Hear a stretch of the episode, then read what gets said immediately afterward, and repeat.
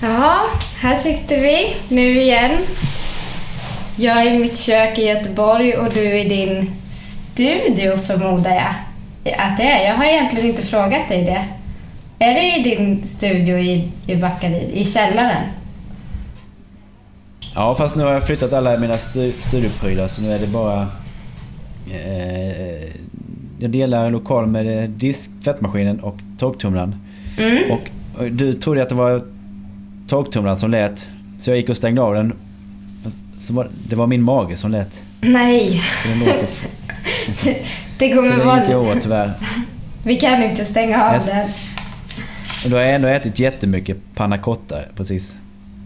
Men eh, om du slänger på lite linfrön på det Ja, så kan det nog bli en god effekt. ja det är planen.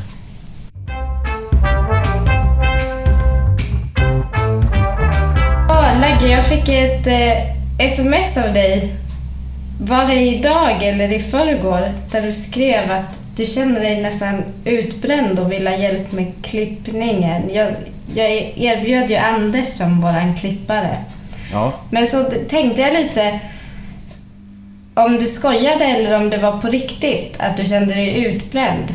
Det, jag känner att jag har gränsat där själv under min mammaledighet. Om man nu kan bli utbränd av att vara mammaledig. Men det, när man har varit, när man känner det själv så, så bränner det lite när någon annan säger det också. Man, man känner lite med den personen då.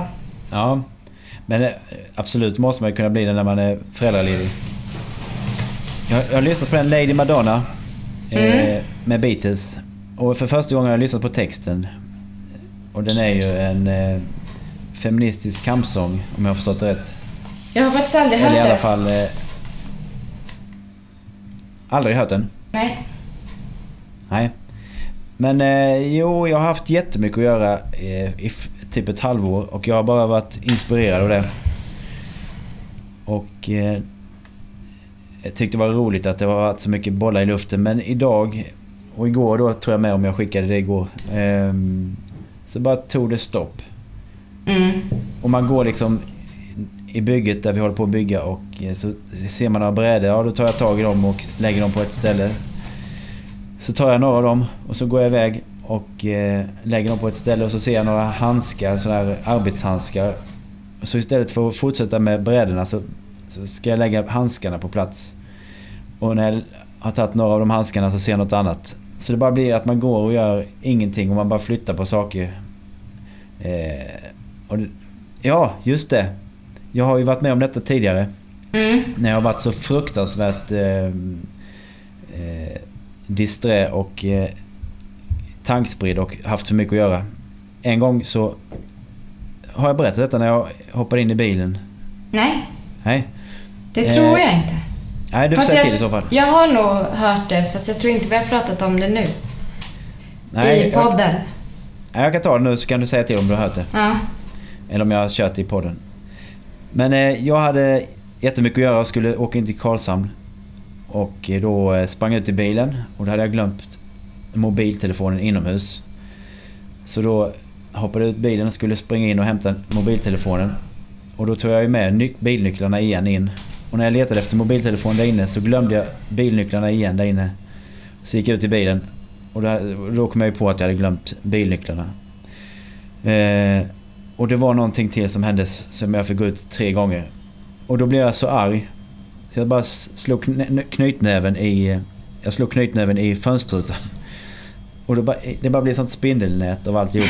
Jag, jag slog sönder hela fönsterrutan. Och sen så skulle jag åka iväg. Jag fick låna en annan bil. Jag skulle åka till Karlshamn. Och när jag var nästan på gränsen till Skåne så kom jag på att jag skulle svängt av mot Karlshamn. Ja, det är så konstigt. Och sådana grejer händer. Idag till exempel när jag skulle åka till Jämstad så hamnade jag eh, ute vid macken i Hoby. Då har jag kört alldeles för långt igen. Sådana saker brukar vara sådana varningssignaler på att det är för mycket som händer. ja, absolut. En tredje sak. Jag sprang iväg, skulle åka iväg någonstans. Sen eh, när jag sitter i bilen och kollar ner på pedalerna så ser jag att jag har tagit på mig en blå sko och en röd sko. Snyggt ändå. Ja, ja. Absolut. Men eh, och jag ska bara säga det sista. Eh, jo, och det här eh, poddgrejen älskar jag ju. Men jag var, inte, jag var inte inställd på att det skulle ta sån otrolig tid att klippa det. Det var därför jag frågade om Anders kunde Mm. tänka sig det. Eh, och hade jag vetat om hur lång tid det hade tagit så hade jag ändå velat göra det. Men bara det att man, då hade man varit före, eller inställd på att så här lång tid kommer det att ta. Mm. För det tar ju mer än, än fem timmar som jag har sagt. Och jag Eh, rider ju bara på vågen så att jag låter ju dig göra allting. Ja men så är det ju inte. Du har gjort jättemycket. Eh, Mm. ja, men jag ska säga det sista, det var det jag skulle säga. Eh, jo, när jag började klippa på den idag. Så bara såg jag... Eller jag hade ju ingen... Eh, jag kunde inte se mig själv men jag såg mig ändå själv på något sätt. Och då såg jag att mungiporna bara gick upp när jag lyssnade på podden. Ja, vad underbart. Ja, så det var ju ett tecken på att detta är helt rätt. Och om Anders kan klippa det så hade det ju varit helt fantastiskt. Och idag när jag kom hem och sa till mig att jag var utbränd. Så bestämde jag att vi inte skulle säga något jobbigt och sen skulle vi åka till macken och köpa choklad och panna cotta. Mm. Och då blev jag glad igen. Och nu är du Inte- inte utbränd längre. Exakt. Det är så jävla bra med choklad. Ja. Och panna cotta. Ja, fy fan vad gott det var. Uh. Ja. Men jag, jag känner verkligen igen det där att man blir förvirrad och disträ när det är för mycket saker. Och, och jag kan också bli så där att jag får otroligt dåligt minne. Att jag liksom glömmer bort precis vad jag har sagt och gjort eller den sista sekunden. Jag kan ha skrivit ett sms och sen så har jag ingen aning om vem jag har skrivit till. Om jag ens kommer ihåg att jag har skrivit ett sms eller jag kan precis ha pratat med Det kan vara så otäckt och jag kan nästan bli psykotisk ibland att jag ser folk som står jämte mig. Alltså att jag liksom bara ser någon gå förbi, tror jag. Mm. Och, och då tänker jag att nu är det stress. Så ibland kan jag finna att jag blir så här... Ja, men man är inte med i nuet. Utan Nej. jag bara sitter och tänker på allting fast jag kanske har det lugnt runt omkring mig. Och så kommer jag på mig med att Erland, min son, kanske står och försöker prata med mig. Men jag är så upptagen i min stress att jag inte hör eller ser eller liksom kan vara där. Mm. Och, eh, men jag vet, jag vet inte om det var i vårt brus av eh, snitt som vi pratade om att när man mår dåligt och sådär att man kan bli ganska handlingskraftig. Ja. Och det tror jag, för jag har ju börjat jobba nu sen senaste gången vi träffades. Då var jag fortfarande Okej. mammaledig. Och då pratade vi om det här att man kan få en sån jävla anamma-kraft liksom av att man mår dåligt. Men stress är ju någonting helt annat än att må dåligt. ja, exakt. Och jag kände när jag kom till jobbet, jag var helt oförberedd på att jag skulle börja jobba på riktigt, att det skulle stå massa saker på min rad och sådär. Och jag kände mig, jag kände mig rent ut sagt retarderad. Och så här, jag kunde inte komma in på min dator eftersom tekniken alltid strular med mig.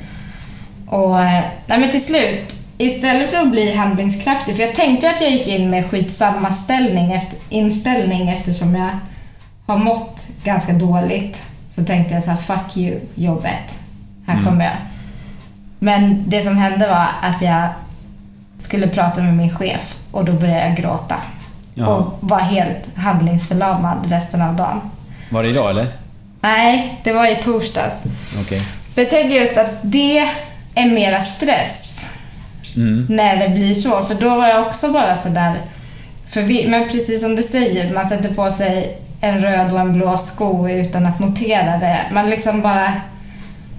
Men det är ju som att man har tagit typ ecstasy eller någonting. Fast Ja. man är helt... Ja, men man är utanför. På något Ja. sätt. Utanför sig själv. Utom, Utan- alla po- utom alla positiva effekter som ecstasy kan ha. Ja men precis, man får inte den där festen. Man har ju bara kvar ångesten. Nej men, ja, det, är, det är fruktansvärt men det är, jag tänker att ni har jättemycket med flytten nu. Och att det är mer stressande än vad man kan tänka sig. Än vad man tror själv. Man tänker ju att en flytt inte är stressande på det viset.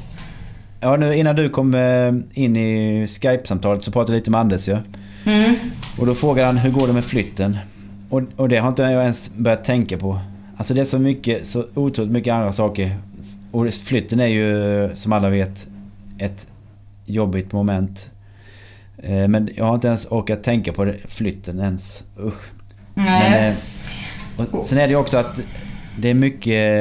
Jag känner mig inspirerad av allt som hände fram till att saker inte låg i våra händer längre. När det, ja, nu när det har varit jul och så har vi väntat massa besked från bank och... ja, just olika- det. Så vi har inte kunnat göra något på en månad. Något vettigt eh, och liksom inte kunnat slappna av heller riktigt. För det är så, jag vet inte om jag har sagt det, men ni bygger ju om snickeriet i Jämsa, Jämsa, Jämsa.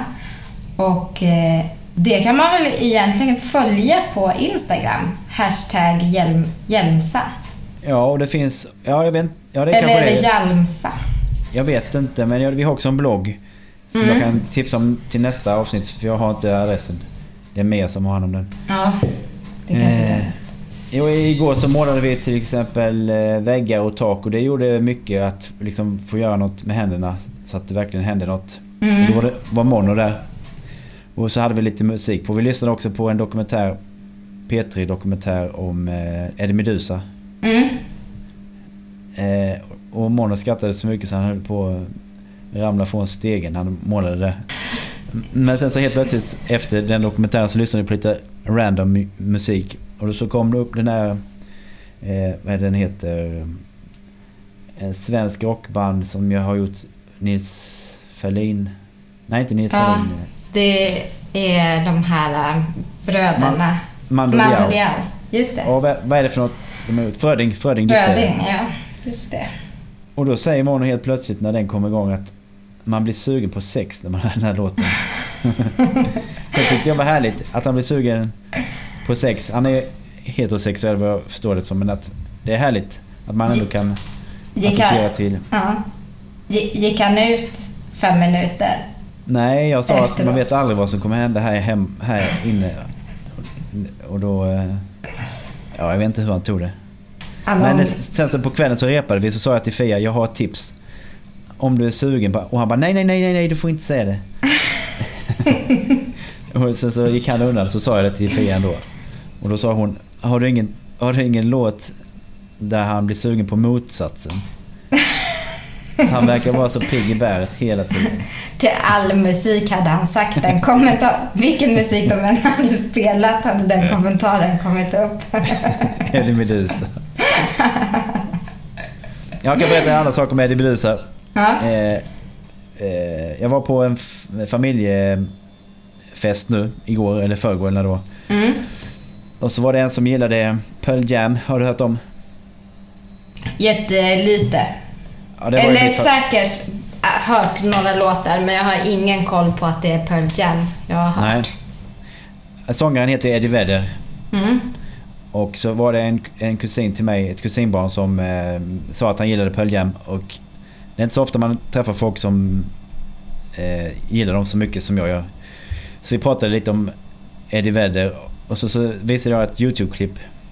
Och sen hade pappa hört samtalet att vi pratade om Eddie Vedder och, och så. Mm. Sen så när den här musiken kom igång så, så dök pappa fram och så sa han Är det Eddie Meduza? Jättekonstigt. Jag tror att jag har fått en pappa 2.0 som är där allt kan hända. Och han förvånar en hela tiden. Och jag är mycket glad över detta. Underbart. Janne Ja. Ja, precis. senior. Precis.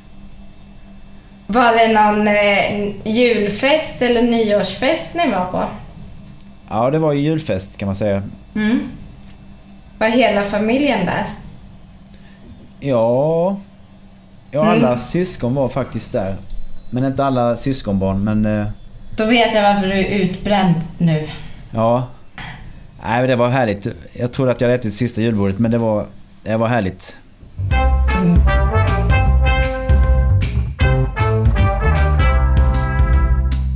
Vem är Didrik P? Eh, jo, jag lyssnade Jag har ju klippt det där förra avsnittet när John... Vi pratade lite om John. Mm. Så kom jag på... Och när jag var utbränd också och tänkte på John så, så kom jag på den här incidenten. Jo, vi var i Malmö och hade möte med en som heter Didrik och det var ett ganska... Eh, ett arbete med, med honom som tog ganska mycket tid och eh, vi, vi var där många gånger. Och vi, vi satt i ett litet rum och tittade på en, en eh, dataskärm. Och, eh, och vi var det var precis i slutet på en process och vi var jättetrötta. Eh, och i ett, ett litet rum och alla måste sitta tysta där för att liksom, ja, det var inte så mycket prat. Sen så ser jag, och John är utbränd och jag är utbränd. Och alla är jättetrötta. Och så bara ser jag på John att hans blick går rakt ner mellan benen på han Didrik. och jag bara får ett sånt skrattanfall. Eh, och han bara tittar upp på mig helt plötsligt. Och förstår du att jag har sett att han sitter och tittar ner mellan benen på honom. Och det är så litet rum så, så han kunde lika väl ha sett det. Didrik alltså. Uh, Ja, det var så sjuk situation alltså. Uh, Ja, och sen så, så liksom har vi inte så bra uh, relation med han Didrik. Alltså han är jättehärlig men, men vi känner honom inte så bra. Så det blev en sån tillfälle när man inte fick börja skratta. Och vi fick ju kämpa som djur där för att inte förstöra relationen med honom. Och ja, det var så fruktansvärt. Och eh, han satt ju, John satt ju... Ja, och hade lika svårt att hålla sig som jag. Men vad, vad, var det, vad var det som var fascinerande med skrevet? Vi har inte kommit så långt i det samtalet. Vi, jag vet inte. Ni undviker det. Ja, han är ju sjuk. Det är Ja. förklaringen. Ja. John som ska åka till New York Yes. och hänga. Ja. Han eh, reser hela tiden. Ja. Han har ju fått ett STIM-stipendium. Mhm. eh, På ganska mycket pengar. Och det är ju fantastiskt roligt. Och han har också fått olika stipendier. Han var ju på Gotland typ i över en månad tror jag. Eller i alla fall runt en månad. Och fick sitta där och i en studio och spela in. eh, Och så var det andra låtskrivare där också. Mhm. Och jag är förvånad över hur hundraprocentigt eh, glad jag är för hans skull. Utan att vara eh, missunnsam och så. Mm. För jag blir lätt missunnsam. Och det, det draget har jag tyvärr också. Mm. Så det hade varit skönt om du sa att du var missunnsam. Men det kanske, det kanske är det första steget är att erkänna det för sig själv och för andra att man är missunnsam. För då kanske det blir lättare att Ja. inte vara det. Men alltså jag har så otroligt mycket att tacka John för så det känns inte så på något sätt faktiskt. Men lite skulle du vilja vara han. Nej men, jag, nej, men det, att jag har anledning att vara missunnsam är ju att jag också har sökt eh, STIM-stipendium utan att ha fått det. Ja. Inte i år men för några år sedan. Men...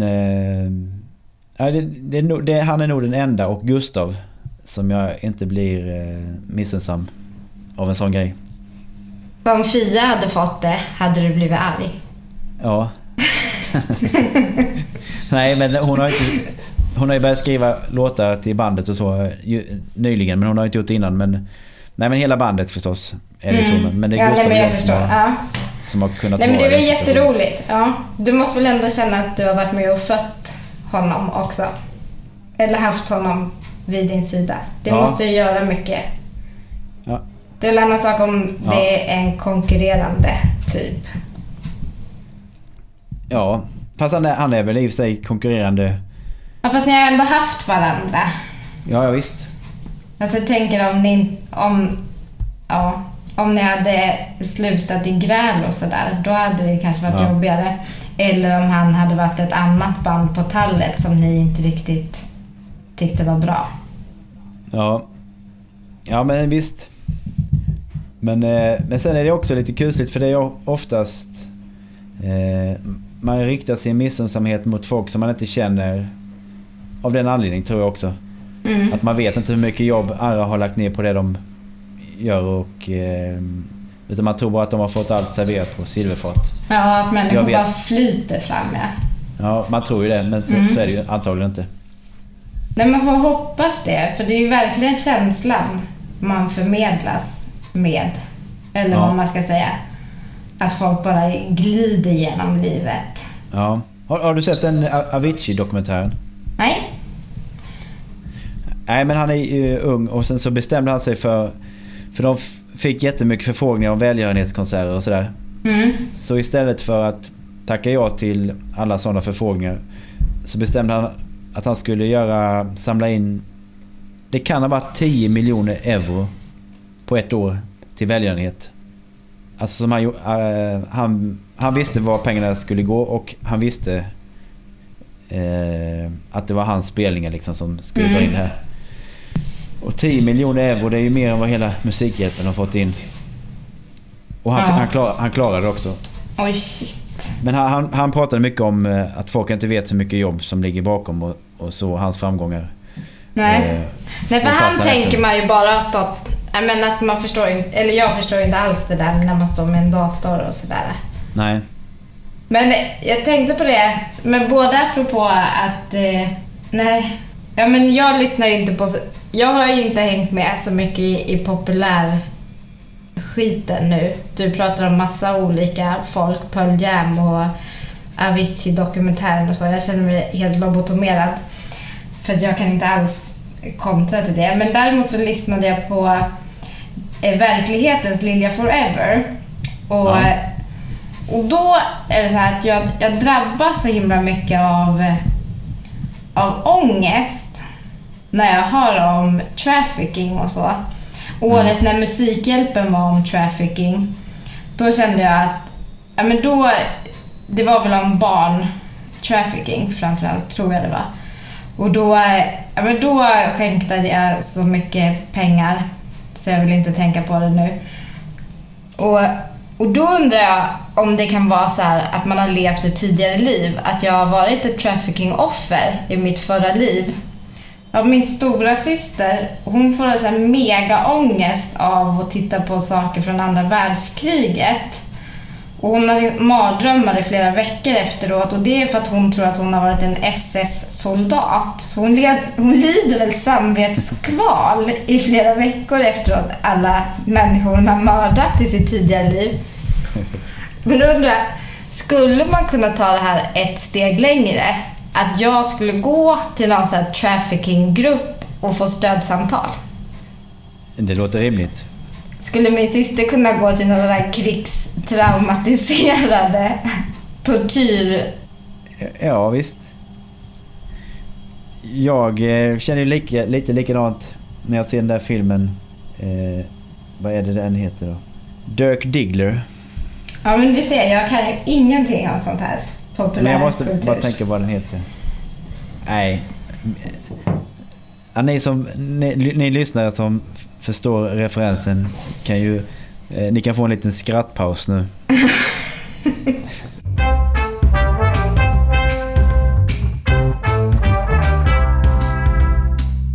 Men, ja, jag skulle också dra... Jag, jag kom att tänka på något annat samtidigt som jag pratade så tänkte jag att det här ska jag hålla i huvudet men det är helt bortblåst nu.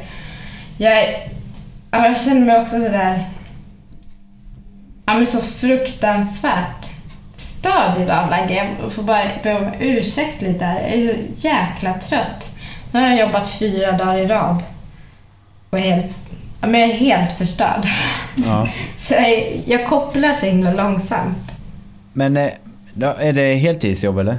Ja, Ja. ja. nu, och hela avdelningen, ja nu tar jag bara en parentes. Hela avdelningen har liksom gjorts om från slutenvård till dagvård och allt det skedde samma dag som jag började. Ja. Och då jobbade jag tillsammans med en vikarie. Och han är faktiskt, nej, men han, man, han är typ lobotomerad. Alltså Ja. han gör ingenting. Och, och det är ju ganska hemskt att komma in efter ett år och två månader och jobba med en lobotomerad.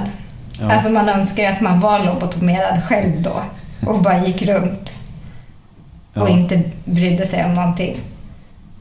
Men eh, så nu lider jag lite efterslag av det. Så fort jag kommer hem så känner man ju efter. Eller man känner inte efter, då landar ju allting. När man är på jobbet då bara springer man runt som en skållad råtta. Och nu...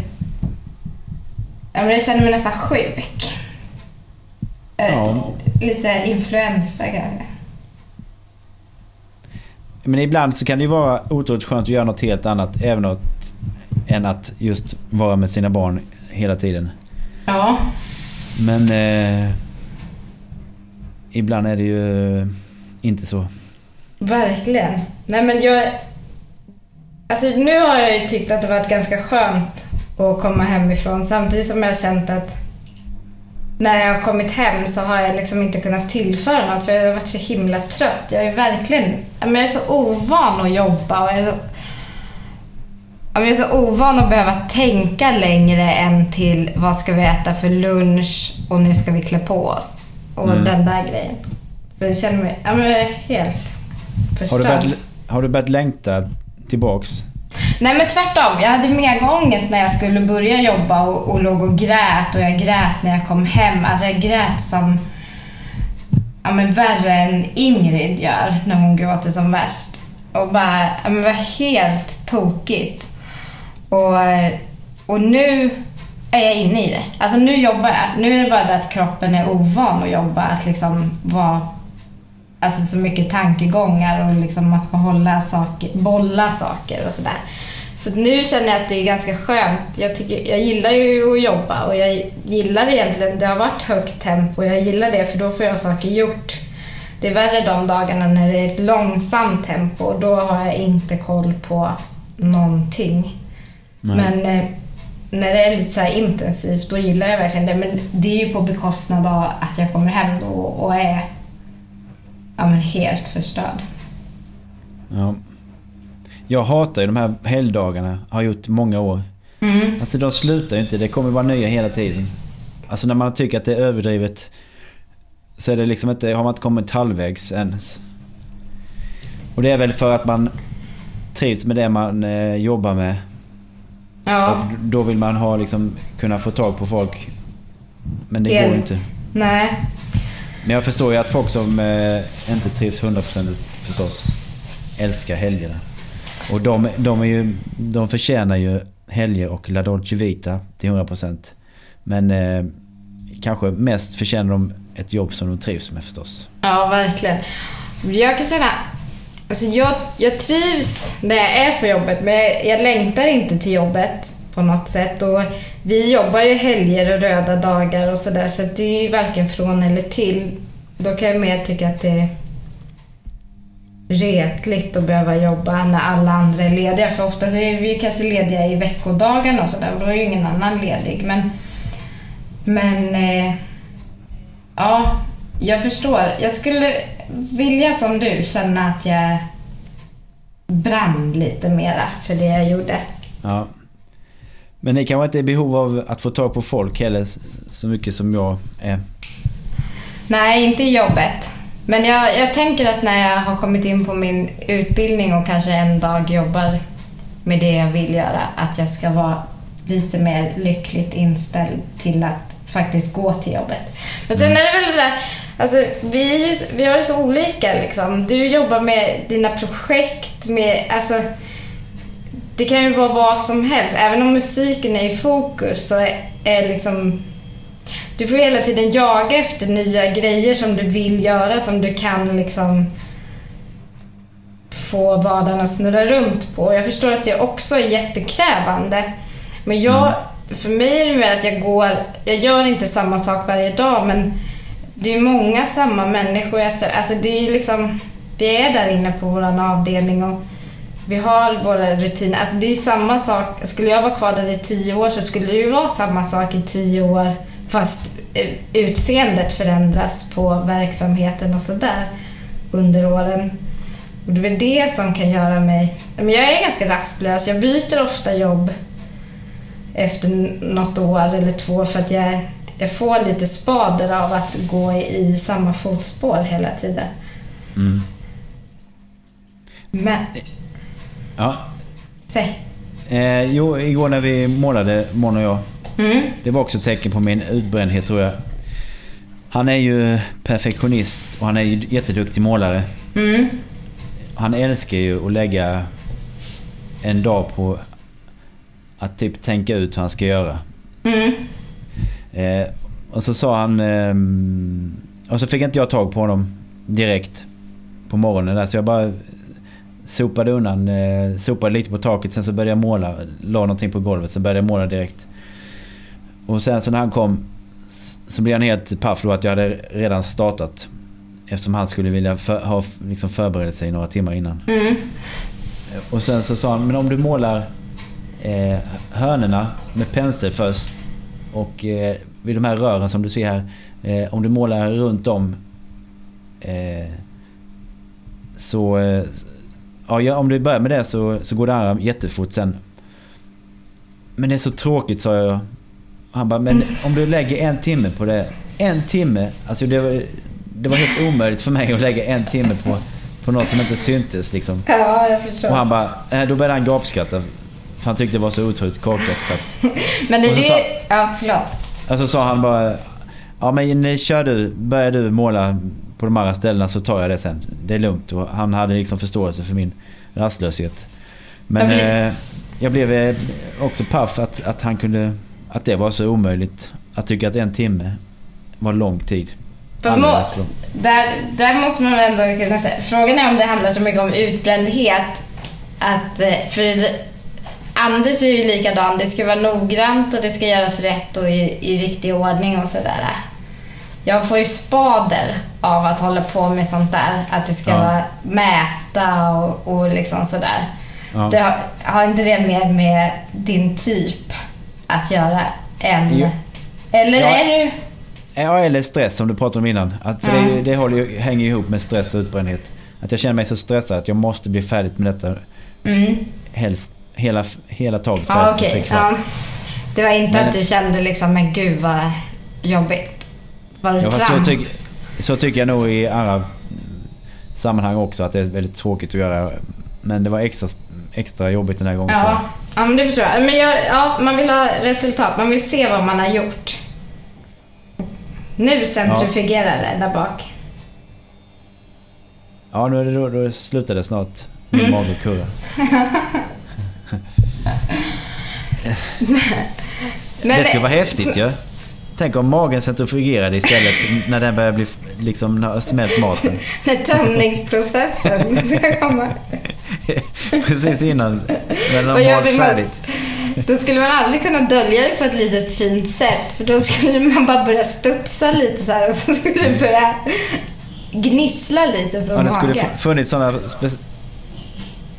Ja, det skulle ha funnits sådana speciella ställen man kan ställa sig på när man går i stan. Så man inte skakar ner saker om man står för nära en bil. förargelseväckande beteende. Då skulle det vara små olika boxar där, som, lite här och där som man fick ställa sig i. För då skulle man inte kunna hålla sig. Då skulle det bara börja när det var dags. Det hade varit skönt.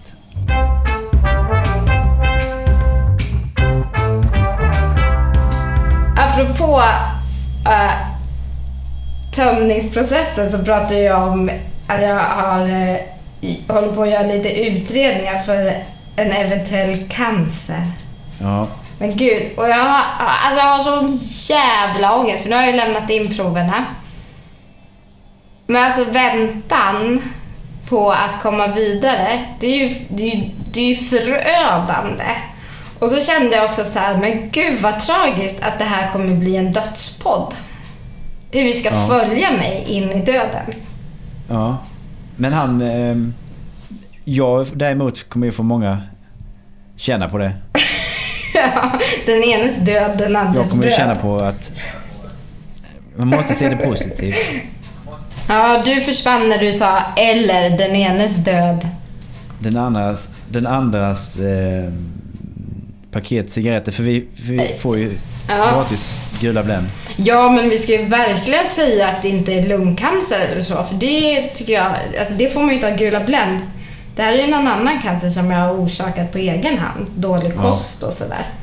Ja, det är viktigt. Tack gula Blend. Tack gula Blend. Men det jag ska säga också, om du känner dig stressad av de där proverna. För jag har varit praktikant på ett sånt laboratorium. Mm. Om Men du kan- gud vad oväntat! Om du har lite prover över så kan du skicka 1200 spänn tar jag. Får svar inom en vecka. Två veckor kan. Lars, biokemisten. Ja. Bland mycket annat. Mannen, myten, biokemisten. Feseskemisten. Ja, nej, men, jag, men jag tänkte jättemycket på det och så tänkte jag så här, hur ska jag förhålla mig till om det, om det är så? Om det är så att jag, jag ska passera, helt enkelt. Hur ska jag göra med podden? Ska jag säga då så här, jo men det var så att jag hade cancer. Ja, och nu ska ni, ska ni få följa mig. Och Lagge. Men mest mig. Då kan, då kan ni förhandla lite mer om mig, kanske. När jag ändå ska... oh, jag kan inte prata om det. Det, Det blir så det, fruktansvärt. det hade ju varit problem på, två sätt. Två sätt hade varit tråk, tråkigt om du dog. Det ena är ju att, eh, ja, att eh, vi kommer ju sakna dig. Mm. Det är det ena. Och det andra är ju att du kommer inte få användning av din eh, gravstens... Ditt Nej. gravstenscitat. Jag måste komma på... Men gud, det får väl bli... Nej, men det kanske vi kan ha som tävling. Vem kan komma på bäst gravstenscitat när jag har avlidit någon koloncancer? Ja. Och då vinner lovar jag att jag ska ha det på min gravsten. Det är ju rimligt. Och, Men gud, eh, jag får sån hjärtklappning. Om. och vinnaren kommer också få dina samtliga fyra prover hemskickade. Och jag tänker att vin- vinnaren kanske blir ersättaren. Ja... Jag, jag tror jag fortsätter själv då. Ensam-podden. Och vad var det? Jo, just det. Det, eh, det var en annan dokumentär på TVn. Mm. om en musiker ehm, som var sjuk och skulle... Han hade barn och så hade han en fru och så skulle han... Eh, så hade han någon, Jag tror det var en dödlig sjukdom. Så skulle de följa honom och han blev sämre och sämre så... Eh, det var alltså en musiker. Mm. Sen helt plötsligt i slutet av ehm, dokumentären så går han in till doktorn och så säger hon Jaha, jag har fått tag på botemedel nu. Va? Ja visst, det, det var ju helt fantastiskt. Hade alla människor tyckt. Men han, han hade levt med den här eh, dödssjukdomen så länge så Ja. han hade liksom hade varit inställd på att leva La Dolce Vita livet ut. Så han blev inte glad. Nej. Hey, gud, Och jag- vilket eh, mindfuck. Eller vad man ska säga. Ja. Men, eh, och de där tabletterna han fick, han var tvungen att ta dem varje dag. Man fick den första dosen kostade en halv miljon. Och jag, alltså jag, eh, jag måste säga att jag blev förbannad när jag såg det. Att han inte, Blev glad. ja eller tacksam eller... Mm. Och liksom han, och eh, det hade kanske varit en annan sak om han inte hade haft barn och fru och så. Men, eh, jag, jag blev så provocerad av det. Men ja, det, det är så lustigt det där. För jag lyssnade faktiskt också på en dokumentär på P3. Eh, och då var det om han Joy. Jag kommer inte ihåg vad han hette i efternamn. Som satt oskyldigt dömd för ett mord på en eh, gammal tant. De trodde ju- han hade jobbat som hemtjänstbiträde. Och haft den här tanten bland annat då som klient. Men han hamnade på jag vet inte om det var Kumla eller vad det var. Och, och det var samma sak. Han satt åtta och ett halvt år. Och sen i, i slutet så intervjuade de honom och han var liksom inte heller glad. Alltså, Nej. och, men han var ju lite så här, han, han hade fått ett skadestånd och det var på runt 10, 10 miljoner. Men han kunde inte fortsätta jobba och han har förlorat sina barns... upp- Alltså man kan ju förstå det där. Han har förlorat sina barns uppväxt och sådär. Men det är också det där att man blir lite irriterad på att du har ju fått 10 miljoner. Det är inte så mycket pengar för att ha suttit inne i åtta år och, och ett halvt. Men men ändå liksom, att, att då var det liksom ganska bedrövligt istället. Ja. Men då tänkte jag på, om du inte vill säga något mer om den där mannen som du pratade om. Vad då menar du? Den döda musikern som inte blev död. Ja. Ja, och som inte blir glad heller. Nej. Men jag tittar ju på jättemycket fängelseserier och, och gängserier och lyssnar jättemycket på sådana dokumentärer och läser sådana böcker.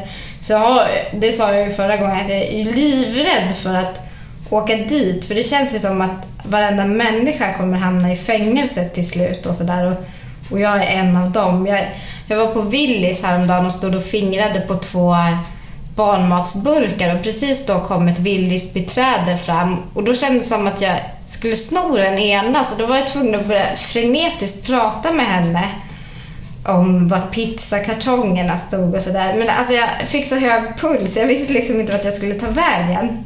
Hade du tänkt sno den ena? Nej, jag stod ju bara och fingrade på den. Men jag blev livrädd att hon skulle tro att jag skulle sno den och att jag skulle hamna i fängelset och sådär.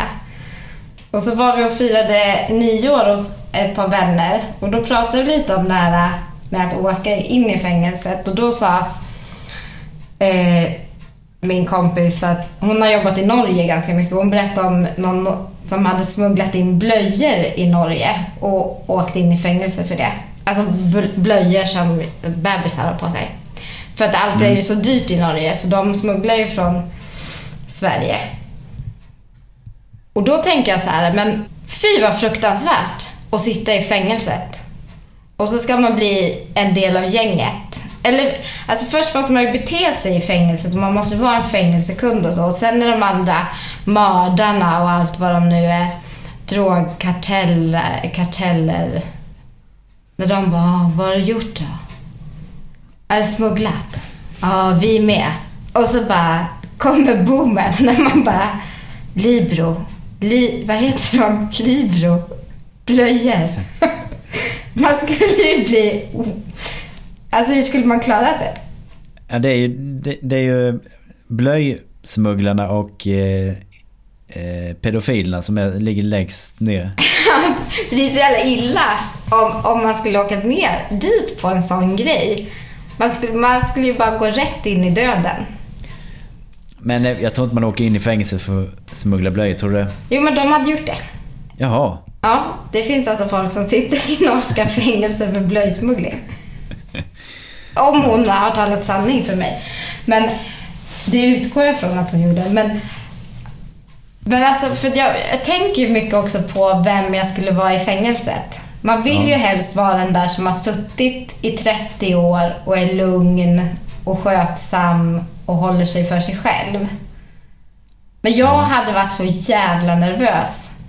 Så jag hade ju bara försökt bli polare med vem som helst. Och då, i alla serier jag tittar på, då är det ju så här, antingen så får man vara med nazisterna.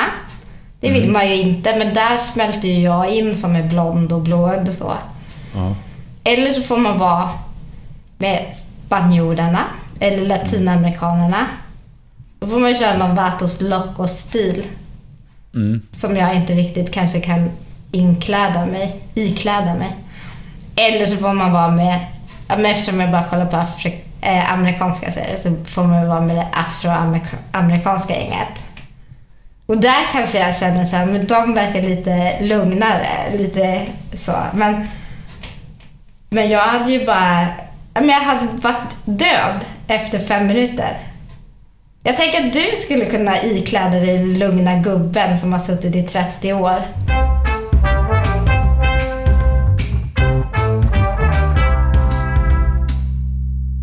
Men jag var ju på den här EU-demonstrationen i Göteborg. Mm.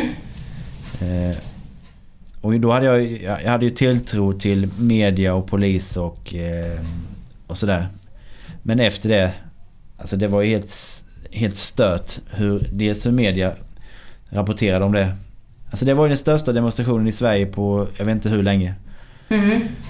Och demonstrationen fick inte en sida ens i, i tidningarna. Utan det var de här eh, upploppen och det. Mm. Och jag hade ju varit med på hela den demonstrationen. Alltså det var ju flera dagar. Och det var massa seminarier och helt fantastiska möten.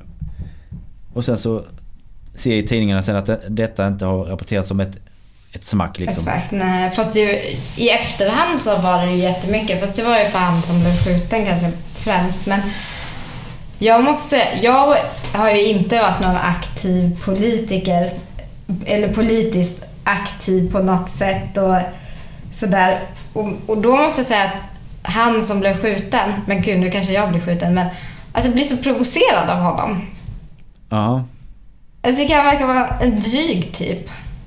Ja, det är farligt när fel personer hamnar i sådana lägen som man bara vill tycka om. Ja. Så kan man inte.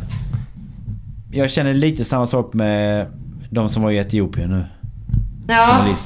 Chibi och Persson.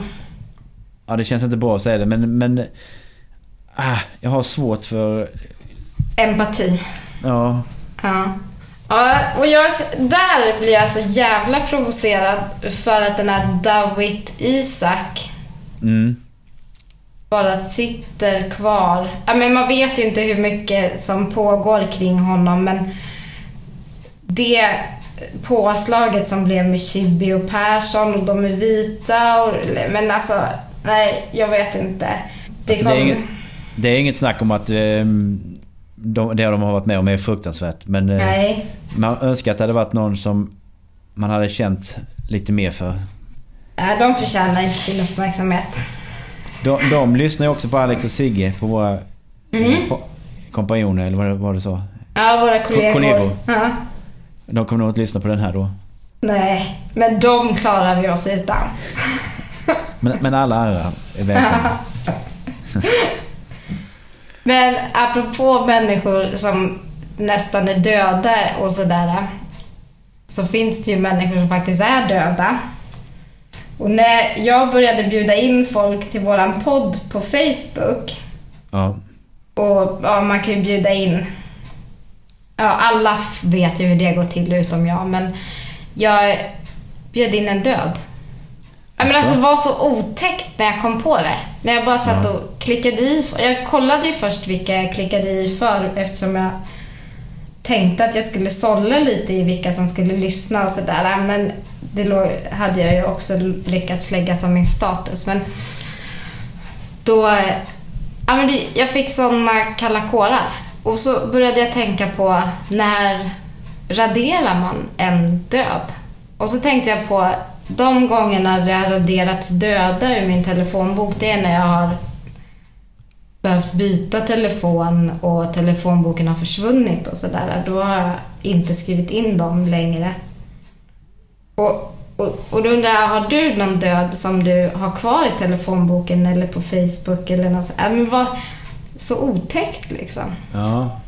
Nej, jag funderar på det om jag har någon... Nej, ingen som är... Nej, inte som är så nära som i telefonboken. Nej, det har jag inte. Men jag, jag förstår eh, det jobbiga. Ja, fast kanske är vi jättestora i himlen nu. Ja. eller, eller en trappa ner som vi brukar säga. Antagligen större där.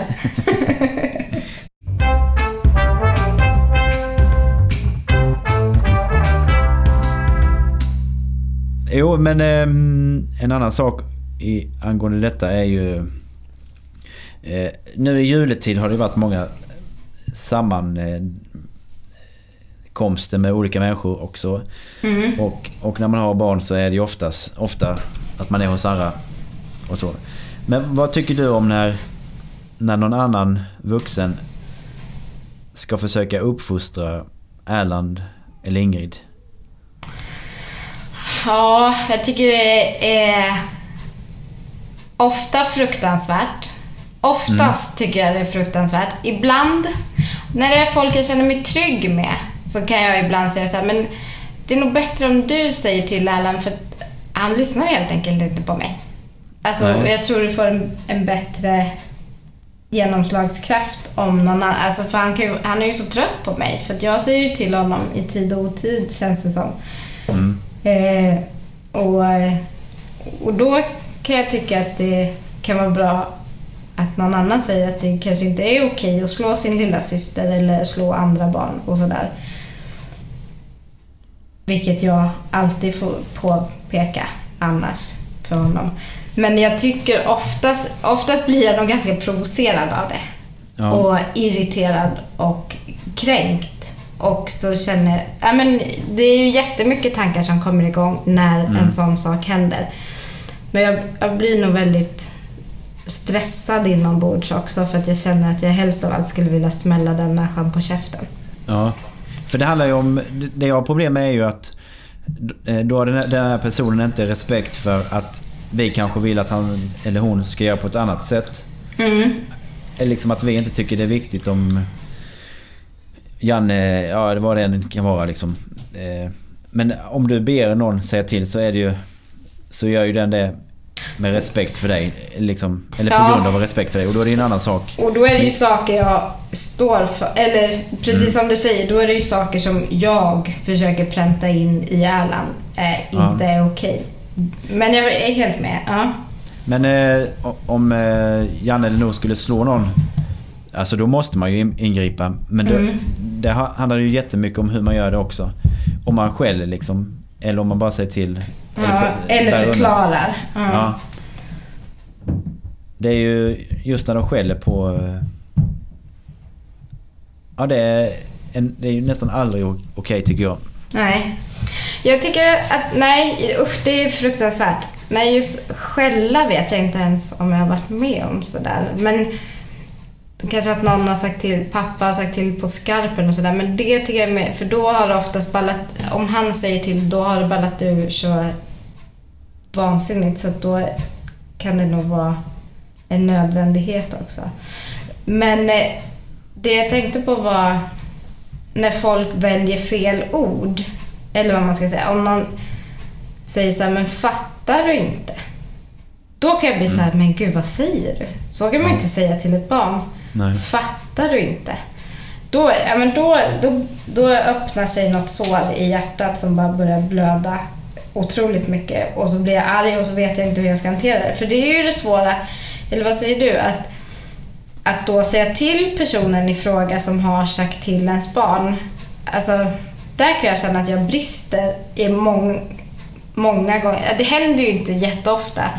Men det kan jag tycka är en av de svåra grejerna. Det är ju att säga ifrån till den som man tycker har sagt fel till ens barn. Ja, eftersom man oftast är i sådana sammanhang när eh, det ska vara ett trevligt sammanhang och man tycker om alla som är där oftast mer eller mindre.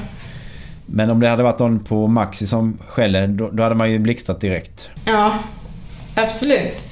Det där är en sjuk grej när de som står en nära blir de som det knyter sig i magen på när man ska säga, till, säga ifrån. För mig kanske det handlar mer om att säga ifrån till dem. Men det, det handlar ju också om, eh, om din pappa. Jag vet inte, han känner väl Erland och Inge ganska bra. Ja, Då, då är det också en annan sak när, när de har... Men när det är någon som inte har den självklara kontakten.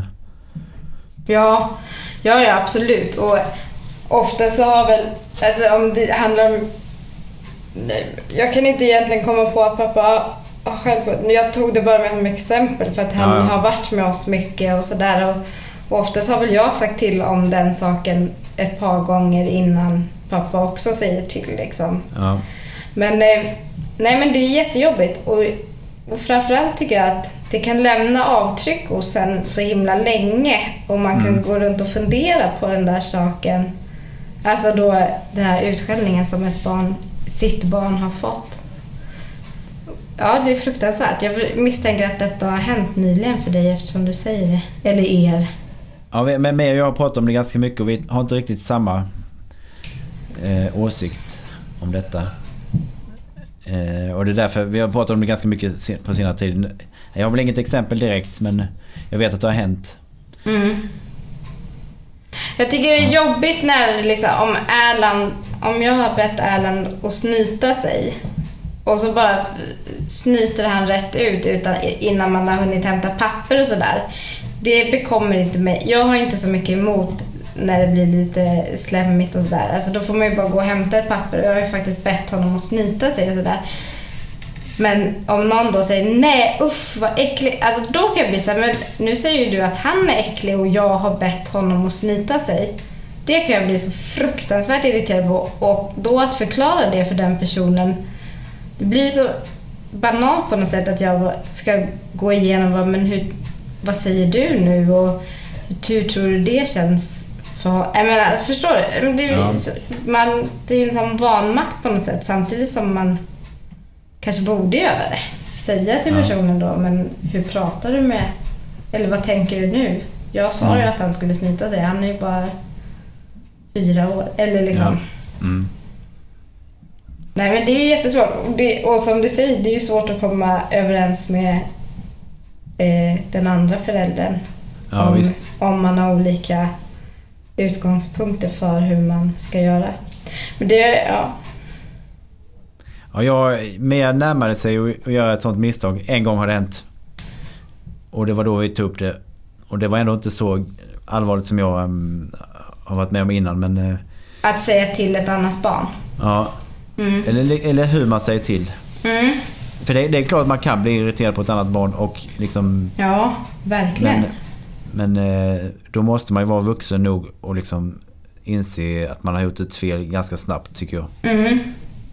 Ja, och jag tycker det viktigaste tycker jag är det är att kunna säga förlåt till sitt barn. Alltså det har jag Ja. tänkt på så himla mycket att det är många som aldrig liksom förklarar sen att men jag blev så himla rädd när du sprang över gatan och därför började jag skrika på dig. Eller liksom, det handlar ju inte om att jag är arg utan det handlar om att jag är rädd och jag ber om ursäkt. Det tycker jag är otroligt viktigt att ge tillbaka respekten och förtroendet till sitt barn Mm. än att bara låta det hänga kvar och låta barnet känna sig dumt och utskällt. Ja, men det, är ju en, alltså det kan man ju tänka sig själv om någon skulle börja skrika på en, vilken förnedring det är. Att, Mm. Alltså bara om någon säger till om något på jobbet så kan man ju få största skälvan liksom. Ja. Men det är också att, det, att man har det utrymmet att när det verkligen behövs skrikas till eller skällas till. För det behövs ju ibland till exempel Ja. när, ett barn ska, Att man inte missbrukar det, det liksom verktyget. Att man verkligen använder det när det verkligen behövs. Ja. Jo, men absolut. Och det där, det där tycker jag är jättesvårt. För att, men som hos oss är det ju mycket att In, Ingrid som är ett snart måste få vara med. Liksom. Hon måste ju också få vara med Erland och leka och, och riva lite i pennorna utan att han ska slå henne eller skrika på henne. Och det där är ju ett ok, för där är det ju samma visa varje dag, flera gånger om dagen. Och försöka säga det på olika sätt. Alltså det är ju också... Man blir helt tokig efter ett tag inombords. Men just det här att tygla sina impulser, det får man ju verkligen lära sig när man har barn. För samtidigt har man ju inte behövt tygla dem innan, för det är ingen som har... För barn kan ju provocera en liksom. Det är ingen som har lockat fram så mycket i en innan heller. Som Nej. barn gör. Eller? Ja. Nej men... eh, Ja det, ja, det är svårt det där. ja, det är jättesvårt. Men jag tror Janne nog bara har hört mig alltså, bli riktigt arg när de slåss med varandra eller gör något farligt eller gång Mm. på gång. Mm. Jag tycker, ja det, det är jättesvårt. Det där. Erland är ju i en ålder när han, han skyr mig som pesten och han älskar Anders. Nu. Och jag kan inte, ja. Och jag kan inte få ihop det eftersom jag är en bättre förälder. Jag förstår inte hur han inte kan se det. Nej, det är konstigt. Ja, Det är så otroligt märkligt för jag tycker Anders skäller mycket mer och är mycket liksom stramare och sådär. Och så tycker jag att jag är den coola mamman. Men så är jag Mm. hatad. Det är jobbigt. Ja. Janne, Mm. Janne sover ju varannan natt med mig och varannan med Mia. Mm. Vi har ju olika sovrum. Mm. Eh, och nu har han, Janne bara velat sova med Mia hela tiden. Och jag har börjat typ lukta på, under armen så här på mig själv om jag luktar illa eller om det... För vadå sova kan han väl göra med mig? Dumma ungen. Ja, men så är Erland också när han kommer in till våran säng på natten. Alltså jag menar, då är han ju jättetrött. Då vill han ju bara lägga sig och sova. Men då ska han krypa ända bort till Anders. Och då tänker jag så här, men vad är det för fel på dig? Inte vad det är för fel på dig. Ja, men precis. Nej, men det, det är rätt knäckande och samtidigt så vill ju Ingrid vara med mig hela tiden för nu har jag varit hemma så länge så hon känner ju mig bäst. Ja. Men hon är ju så tung så hen, och hon kan ju inte gå. Så jag får bara ont i ryggen. Men det är ju sånt ok för mig. Fast jag får vara glad över att ett barn vill vara med mig i alla fall. Ja men det är samma med mig. Novi, hon älskar ju mig nu. Lilla nog. Jag såg en bild på Instagram när hon hade somnat hängandes. På datorn va? Ja, Ja. det, ja den är underbar. ja verkligen.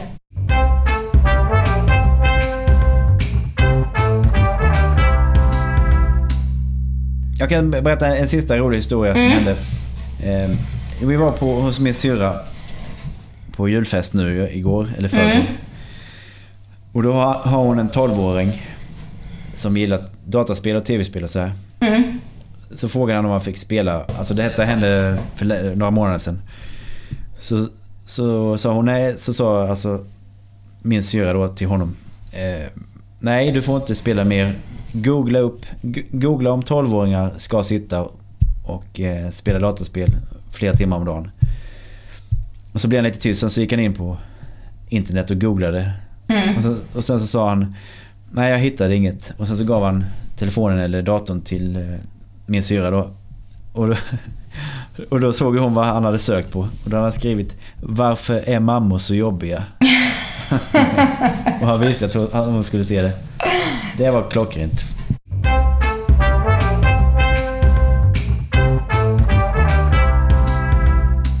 Tack Celsius och tack Webbit Future.